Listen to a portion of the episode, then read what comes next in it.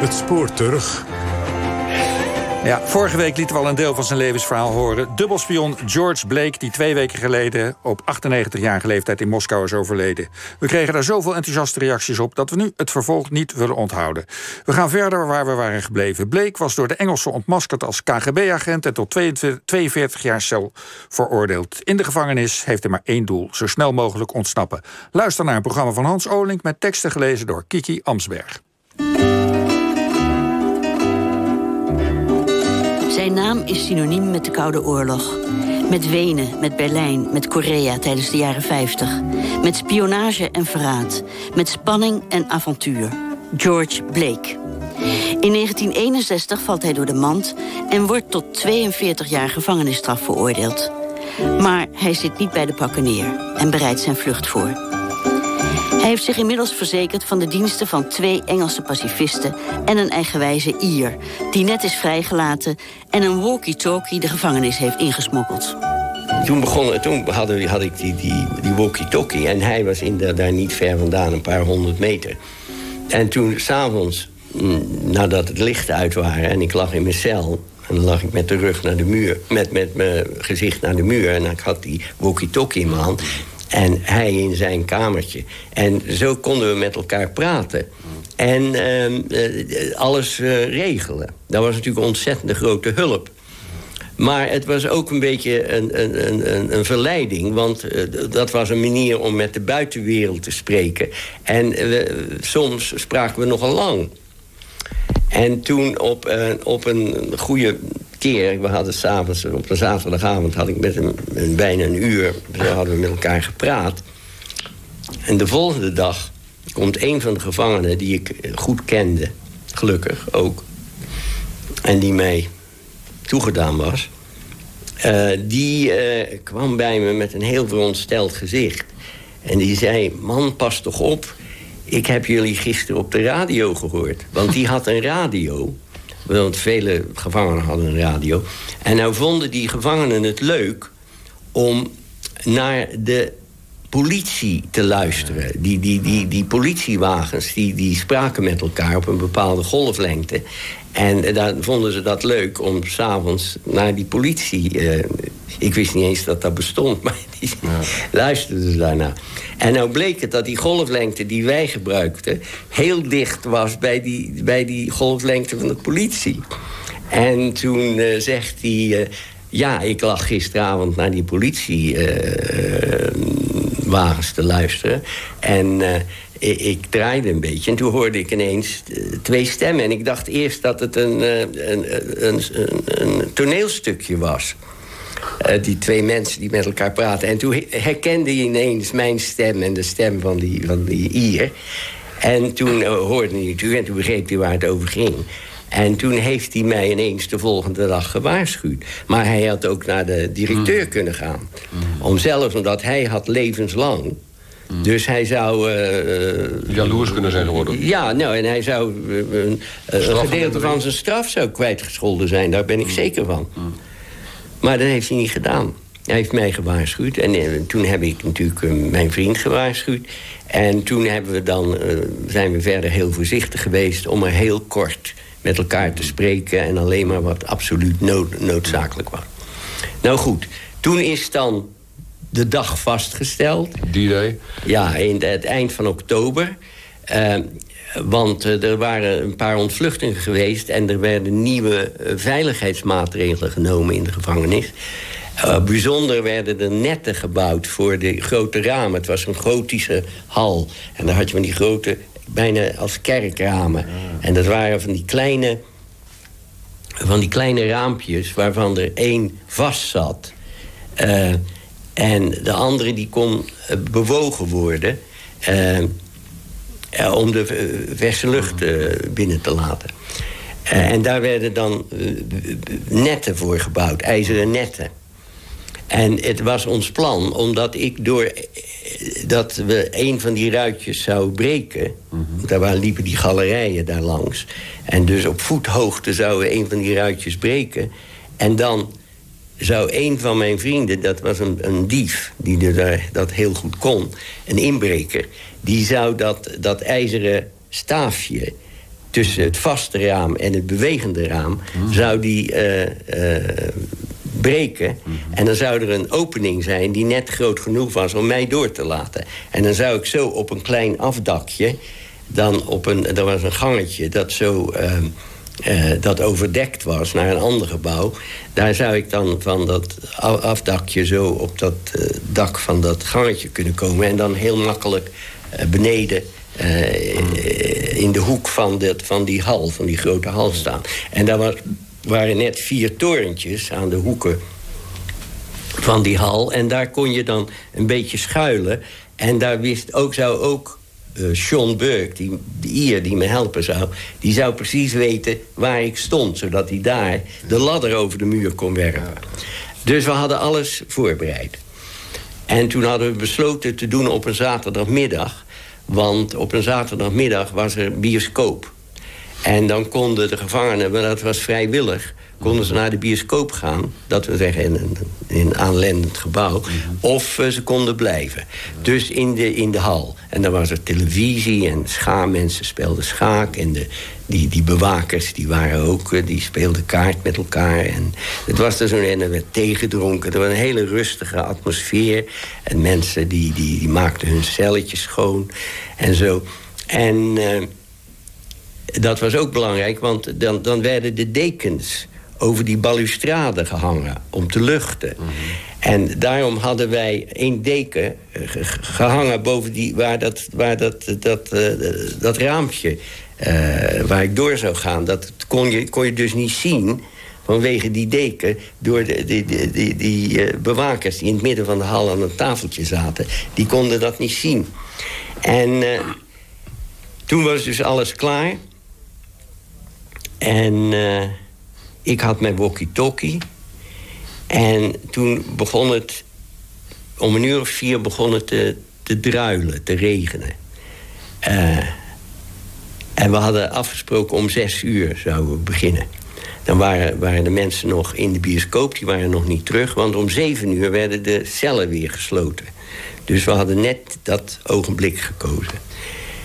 Tegen zes uur was alles klaar voor de vlucht. En eh, ik kon mijn vriend oproepen door de walkie-talkie. Hij stond aan de andere kant van de muur met een auto. En toen eh, mijn vriend in de gevangenis, de dief... die heeft toen heel gauw dat, eh, dat eh, ijzeren raampje gebroken. En toen was dus de weg open. Dus toen ben ik vlug naar beneden gegaan, over die galerij. Het raampje door, het, het dakje afgesprongen. En stond toen in, die, in een kleine nis die gevormd werd... door, die, door dat torentje en, en het gebouw. En eh, mm, eh, daar heb ik staan wachten. Het regende hard tegen die tijd. Het was al bijna donker, het regende hard. En de posten die stonden op de hoeken van de, van de gevangenismuur... die konden mij niet zien. En de, patrouilles die liepen niet, want het, regende ontzettend hard. Dus dat heeft ons erg meegezeten. En toen heeft hij dan eh, dat laddertje, dat was van, eh, van touw gemaakt... en eh, van breinaalden, dat die, dat die treden als het ware stijf bleven staan... Eh, die heeft hij over de muur gegooid. Eh, dat duurde nog even, omdat er waren alle mogelijke ehm, hindernissen. Maar daar wil ik nou niet op ingaan, want dan wordt het te lang. En eh, toen ben ik over de muur, die, heel vlug, dat laddertje opgeklommen. En toen keek ik over de muur en daar zat hij daar beneden. Met de auto stond hij daar. En toen heb ik me zo aan mijn handen laten hangen... en wilde ik naar beneden springen. Maar hij eh, dacht dat hij me beter op kon vangen. En dat ging allemaal in een ogenblik. Eh, en ik dacht, als ik nou op hem spring... en er is iets met hem, dan weet ik niet meer verder waar ik heen moet. Wat moet gebeuren. Dus ik moet zorgen dat ik niet op hem spring. En toen heb ik zo'n beweging gemaakt. En eh, om hem eh, niet bovenop hem te springen... terwijl hij probeerde mij op te vangen. In ieder geval kwam erop neer dat ik slecht aankwam... eh, beneden op die kiezelstenen. En mijn eh, pols brak. En hier mijn hoofd, een, groot gat in mijn hoofd... Met een, met, waar het veel bloed uitkwam. En toen heb ik geloof ik een ogenblik het bewustzijn verloren. Maar niet, helemaal niet lang. En hij heeft me in de auto gesleept. En daar lagen een regenjas en kleren en een hoed. En toen zijn we ineens weggereden. Was er al bekend waar uh, En toen, heeft hij me, toen had hij een, een, flat gehuurd... op ongeveer vijf minuten afstand van de gevangenis. dat is het beste misschien dan in zo'n situatie. Ja, ja. Dat verwachten ze niet. Dat verwachten ze niet. Dus dat was heel dichtbij. En daar waren we in een paar minuten. En toen heeft hij de auto daar laten staan. En toen zijn we, het was het regende hard, er was geen mens op straat. Zijn we naar dat, dat huis gegaan en daar had hij dan in dat achterhuis, daar was zo'n apart flatje met zijn eigen ingang. Een kamer en een keukentje. En uh, een vuur brandde daar en daar was ik toen. Nou, en dat was natuurlijk ongelooflijk gevoel. Maar ja, ik bloedde. Mijn hele gezicht was vol bloed. Dus dan hebben we dat afgewassen. En dat bleek nog niet zo erg te zijn. Dat was meer bloed dan dat het uh, een wond was. Maar mijn pols, die deed erg pijn. Uh, nou ja, toen uh, zei hij... ja, ik moet nou het eerste, ik moet nou weg om die auto kwijt te raken. Dus toen heeft hij, is hij weggegaan... en die auto ergens neer te zetten... Ehm, en toen was hij om negen uur weer terug. En toen bracht hij uh, uh, carbonade mee en... Kroketten. En kroketten. en appeltaart. En toen, en toen hadden we een heel gezellig etentje. En cognac en bier. En toen luisterden we naar het nieuws. En toen zagen we daar wat er gebeurd was in de gevangenis. Dat was een hele opschudding natuurlijk. Televisie? Op de televisie, ja.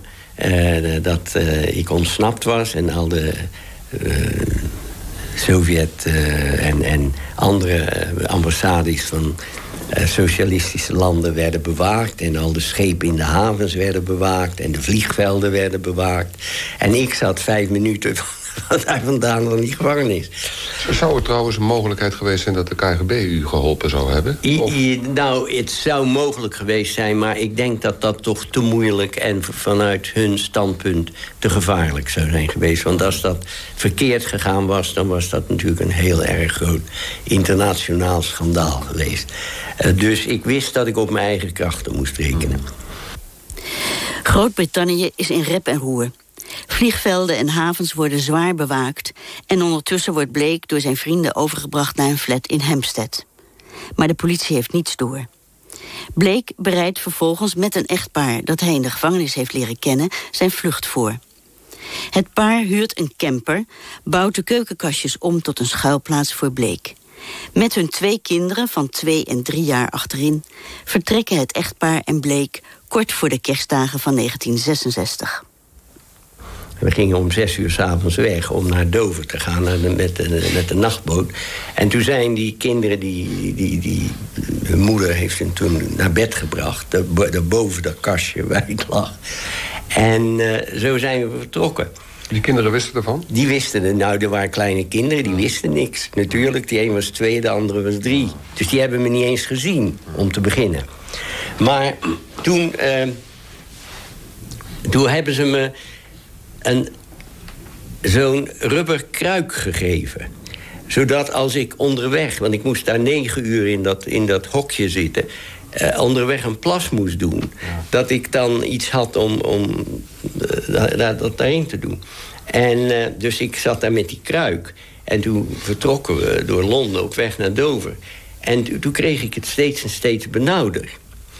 En toen begreep ik al gauw dat het was eh, vanwege die rubber, dat, die rubberlucht van die kruik.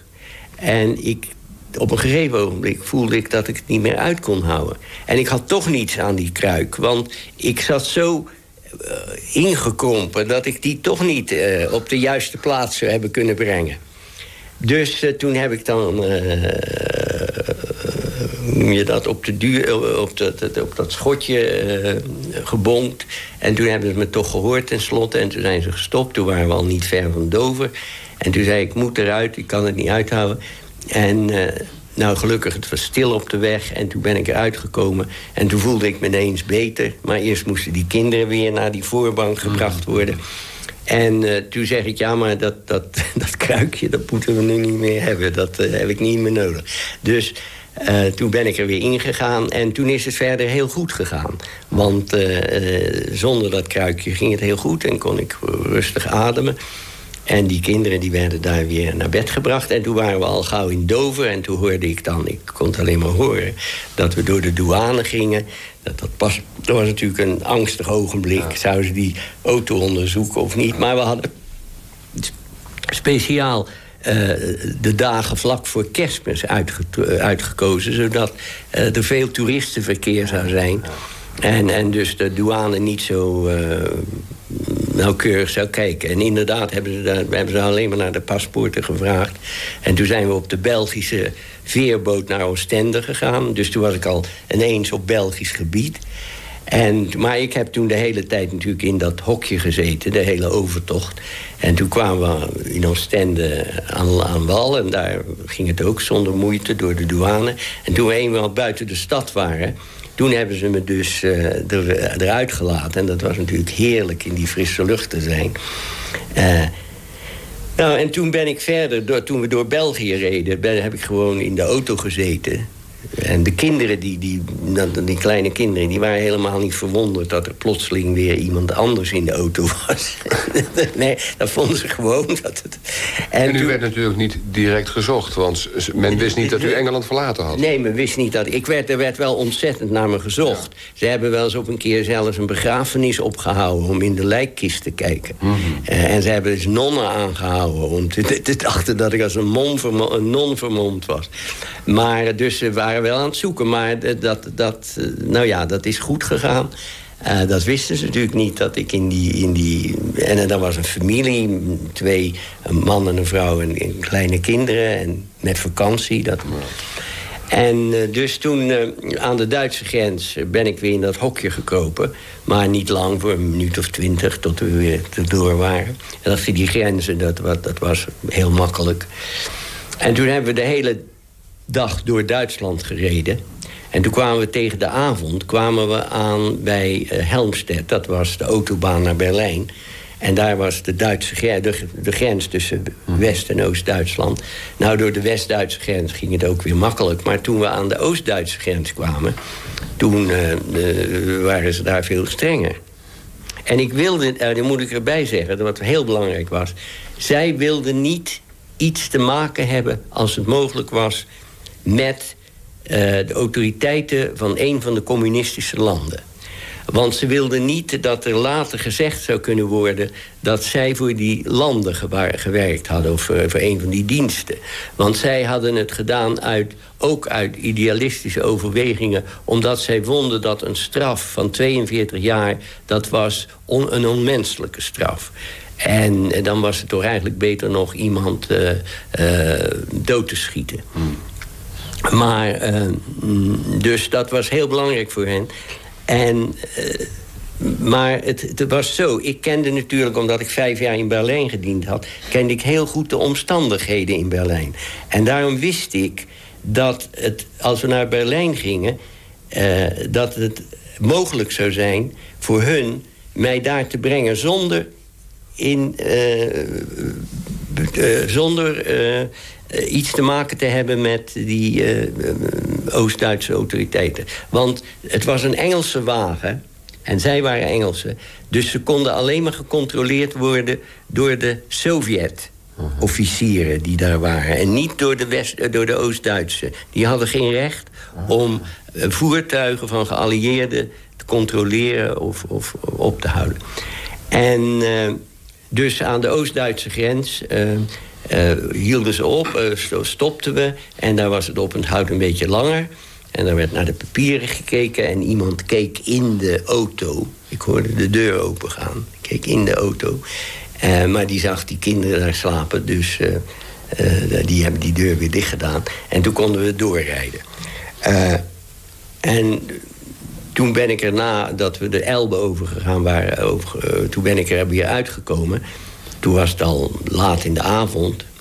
En we waren allemaal erg moe, want we hadden de hele dag gereden... en, al die spanning en zo.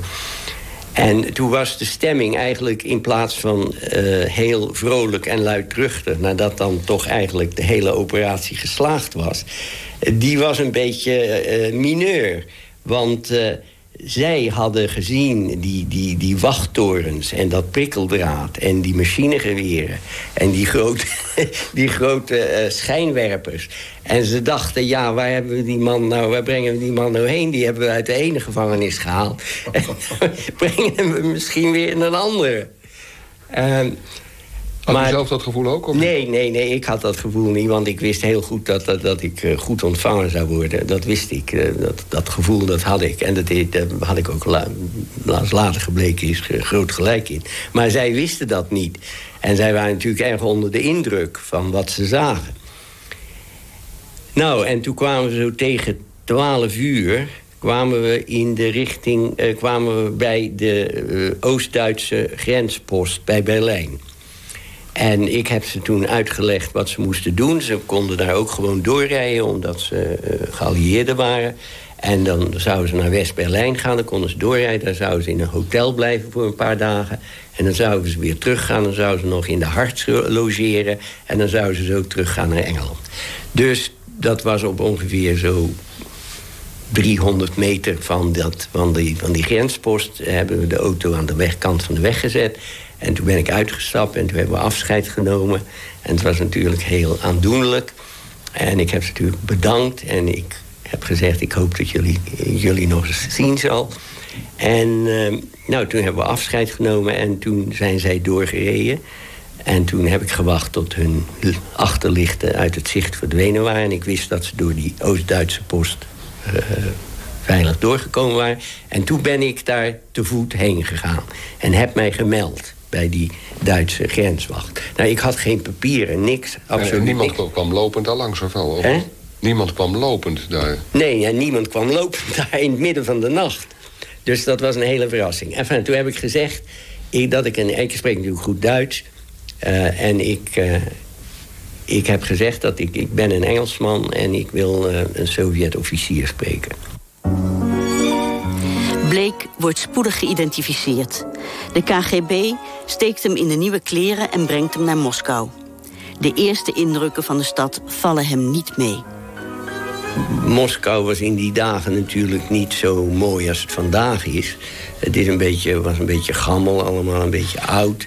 En uh, een beetje uh, allemaal versleten. En was slecht in de verf en zo. Maar ik zelf uh, was, had een, mooie warme flat. En ik had warme kleren. En, maar ik voelde me natuurlijk vrij eenzaam. Ehm, want uw vrouw en kinderen waren... Mijn vrouw, vrouw en kinderen waren in Engeland. En toen was er een, een, een moeilijk ogenblik. Uh, door het feit dat uh, mijn vrouw, die, die had me elke maand... Uh, tezamen met mijn moeder, hadden me in de gevangenis bezocht. Maar enige tijd voor ik ontvluchtte... en dat wist natuurlijk niemand dat ik van plan was te ontvluchten... en zij wist dat ook niet, vanzelfsprekend...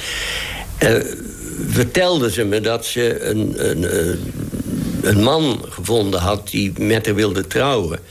En dat ze daarom wilde scheiden.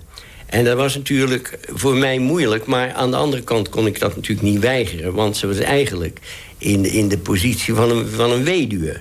Mhm. Ik had 42 jaar gevangenisstraf. Dus dat, daar, dus dat, dat kon ik niet weigeren. En daar, heb ik ook ineens in toegestemd. Maar aan de andere kant wist ik dat ik zou ontsnappen. En als dat lukte, dan hoopte ik dat ze misschien met de kinderen hier zou kunnen komen. En, uh, maar ja, dat kon ik er niet zeggen. Dus, dus dit, dat, dat, uh, dat scheidingsproces, dat liep. Mm -hmm. En toen was ik er al niet meer, maar dat ging toch door. Maar dat was natuurlijk een beetje moeilijk voor me. Want ik, ik, ik dacht, uh, ja, ik wilde dat ze hier komen. Maar nou bleek achteraf dat dat... Uh, toen heb ik zelf begrepen, heel goed... vooral toen ik later Donald McLean en Philby heb leren kennen... dat dat uh, nooit een succes zou hebben geweest. Dat het voor haar, vooral omdat mijn vrouw een echte Engelse was... Mhm. die alle, alleen maar goed vond, want Engels was. En dan had ze zich hier nooit kunnen wennen. Hier nooit kunnen wennen. En voor de kinderen, dat zou allemaal heel, heel moeilijk. Dat zou een tragedie geworden zijn mhm. als ze hier gekomen was. Maar dat wist ik toen natuurlijk niet. Dat, dat begreep, maar dat heb ik al vroeg begrepen. Dus die eerste tijd was natuurlijk een beetje eh, moeilijk. Uh, probeerde de KGB u een beetje op uw gemak te stellen? Ja, natuurlijk. Die, deed, die deden alles om het hier op, me, op gemak te stellen. Die gingen met me wandelen en, en uh, die, die, die namen me mee naar het theater. Maar aan de andere kant uh, wilden ze ook niet dat het in, de, in, de, in het begin bekend was dat ik hier was. Dus moesten ze ook een beetje voorzichtig zijn. Dat ik niet in plaatsen kwam waar vreemdelingen waren. Zodat ik niet herkend kon worden. Uh, dus je liep ook door buitenwijken? Uh, ja, en ik liep te wandelen. En er was altijd iemand bij me, met me meeging. En ik had, er was een huishouster die voor me zorgde. Maar toen, uh, na enige maanden, uh, werd het dus mogelijk eerst dat ik aan mijn familie schreef. Dus eerst kreeg, werd er een brief gestuurd, zogenaamd uit Egypte. Dus die, kreeg mijn moeder die brief dat ik dan uh, in Egypte was. Dat was niet waar, die, maar die brief die was daar gepost. Ik zat hier. En toen, uh, na weer een maandje, was ik, uh, schreef ik een brief uit Oost-Berlijn. En toen vroeg ik of mijn moeder dan naar Oost-Berlijn wilde komen. En ik kende mijn moeder en ik wist dat ze dat onmiddellijk doen zou. En inmiddels woonde ze in Nederland. Want, uh, nou, dat was nog weer een ander verhaal. Maar toen... Uh, dus toen hebben we dat uh, door de post allemaal gearrangeerd. En toen is zij... Dus zij dacht dat ik in Oost-Berlijn zat. En toen is met de trein naar Oost-Berlijn gegaan. En daar was iemand van de KGB die goed Engels stond, sprak. Die stond op het Oostbaanhof waar ze aankwam daarop te wachten. En die herkende er. Uh, en die heeft uh, toen uh, meegenomen naar Moskou. Naar Moskou gevlogen. En daar hebben we elkaar toen weer gezien. de eerste zes maanden, toen woonden we hier samen. Gezellig. Ja, dus dat was heel gezellig. En zij kookte goed en... Um, en ze ging naar de winkels, hoewel ze geen Russisch sprak. En in die tijd waren er haast geen vreemdelingen die naar Russische winkels gingen. Maar eh, al gauw was ze daar heel bekend. En dan schreef je op een papiertje uh, hoeveel het... Dan schreven ze voor er op een papiertje hoeveel het kostte. En dan gingen ze naar de kassa en de betaalden. Want het was hier erg moeilijk om te kopen. Want je moest altijd in de rij staan en dan moest je eerst bestellen wat je hebben wil. Dan moest je naar de kassa gaan om te betalen. Dan moest je het weer gaan halen. Dat was allemaal, maar dat deed ze allemaal. En dat, dus we hebben toen erg gezellig uh, geleefd. En dan in de zomer ging ze naar Nederland.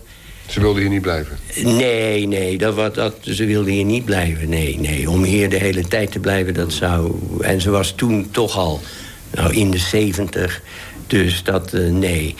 Nou, en toen heb ik mijn vrouw ontmoet. En, uw Russische vrouw? Ik mijn Russische vrouw ontmoet. En toen begon mijn leven zich te veranderen. Want eh, eerst was ik natuurlijk helemaal... Uh, leefde ik heel afgescheiden en eenzaam. Maar gelukkig, zoals ik zeg, de eerste maanden was mijn moeder... en ik heb altijd erg goed met mijn moeder op kunnen schieten. En ze heeft altijd achter mij gestaan... hoewel ze natuurlijk nooit het met me eens was... wat betreft wat ik gedaan heb. Maar ze heeft me toch altijd begrepen... en altijd heeft ze me verdedigd en achter me gestaan. Ze heeft u niet kwalijk genomen? Nee, ze heeft het nooit, nooit, nooit kwalijk genomen. Nee, ze heeft me nooit kwalijk genomen. En tot de laatste dagen hebben we altijd de beste verhoudingen gehad. We konden altijd erg goed met elkaar opschieten.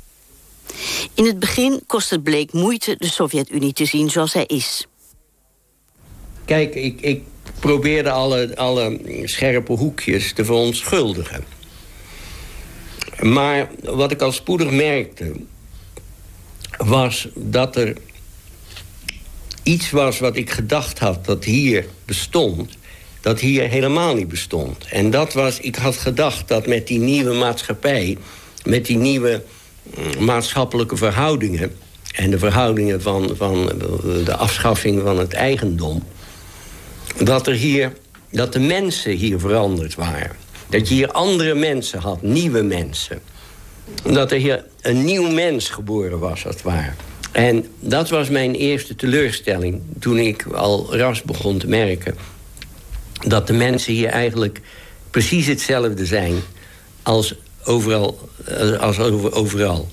En de, de, de, dezelfde ambities, dezelfde hartstochten, dezelfde mm, eigenschappen, goede en slechte, als in, in, in andere mensen. En dan zag je natuurlijk ook, begon je al, al te merken dat er toch wel een erg groot verschil was tussen, tussen uh, de propaganda, dat wat in de kranten, wat in de, in de, televisie, in de radio uh, voorgesteld werd, en de werkelijkheid. Mm -hmm. uh, en je, ik begon natuurlijk ook al gauw te merken, vooral toen ik vrienden kreeg, dat de mensen eigenlijk helemaal niet tevreden waren met het systeem.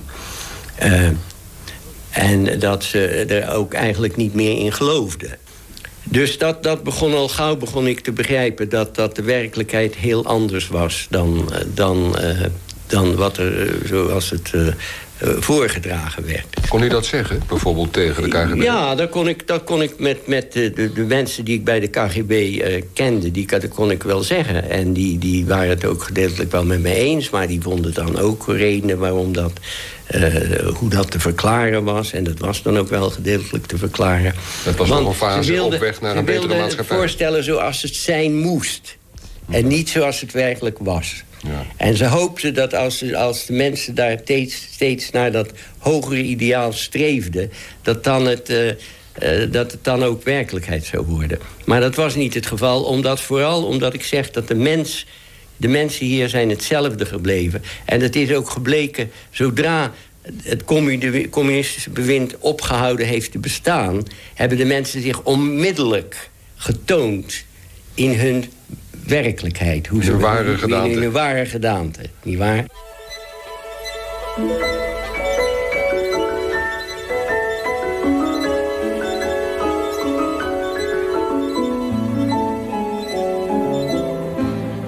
Is het allemaal de moeite waard geweest om... Uh... Ja, ik geloof dat het eh, de moeite waard geweest is. Ik geloof dat het de moeite waard eh, geweest is voor mij uit twee hoofden. Uh, in de eerste plaats omdat ik vond, en ik vind het nog steeds... dat het uh, communistische experiment, en ik uh, gebruik het woord experiment speciaal... omdat ik vind dat het was toch altijd een experiment... dat dat de moeite was om om het te proberen. Dat dat een heel nobel experiment was. En als het geslaagd was, dan zou dat uh, natuurlijk een grote vooruitgang voor de mensheid geweest zijn. Uh, maar voor de redenen die ik u al uitgelegd heb, was het niet mogelijk. Mm -hmm. En was het een utopie. Maar het was toch wel een nobel experiment. En dat ik daar uh, mijn leven, of tenminste een groot gedeelte van mijn leven aan gewijd heb... daar heb ik helemaal geen spijt van. Ik heb ook geen spijt van het feit dat mijn leven door dit alles... toch wel, ik moet zeggen, een interessant leven geweest is. Uh, en daar ben ik ook dankbaar voor. En dat ik ook heel veel hele inter interessante en heel uitzonderlijke mensen heb kunnen ontmoeten... en van nabij heb leren kennen hele uitzonderlijke mensen. Uh, dat waren de, de McLean, Philby, dat waren die mensen die mij geholpen hebben bij de vlucht. Dat waren vele andere mensen hier die ik heb leren kennen. Uh, ook mensen zelfs in de gevangenis. Uh, mensen waar ik met veel plezier en, aan terugdenk. En vele situaties die, die toch wel heel uitzonderlijk waren. En dus daar ben ik heel dankbaar voor. Maar als ik natuurlijk heb ik toch ook wel een schuld, gevoel van schuld. Uh, gevoel van schuld in de eerste plaats tegenover mijn familie. Tegenover mijn, mijn vrouw, mijn kinderen. Hoewel ze me uh, vergeven hebben. Over, tegenover mijn moeder en mijn zusters. Die toch ook door heel veel moeilijkheden gehad hebben... vanwege mijn uh, handelen. En natuurlijk ook tot op zekere hoogte spijt en schuld en overzien van diegenen en dat waren dan mijn collega's in de Engelse dienst. En anderen die mij toch vertrouwden. En wiens vertrouwen ik teleur heb gesteld. Dus dat, dat gevoel van spijt, daar kan ik niet van wegkomen. Maar aan de andere kant, zoals ik zeg... geloof ik dat ik het gedaan heb voor iets... dat misschien toch wel in de geschiedenis van de mensheid... de moeite waard was. En dat toch, hoewel het veel, veel leed berokkend heeft... Hmm. toch misschien wel iets was waar de mensheid ook veel van geleerd heeft. En dat misschien in latere eeuwen toch uh, van nut kan zijn gebleken te zijn geweest.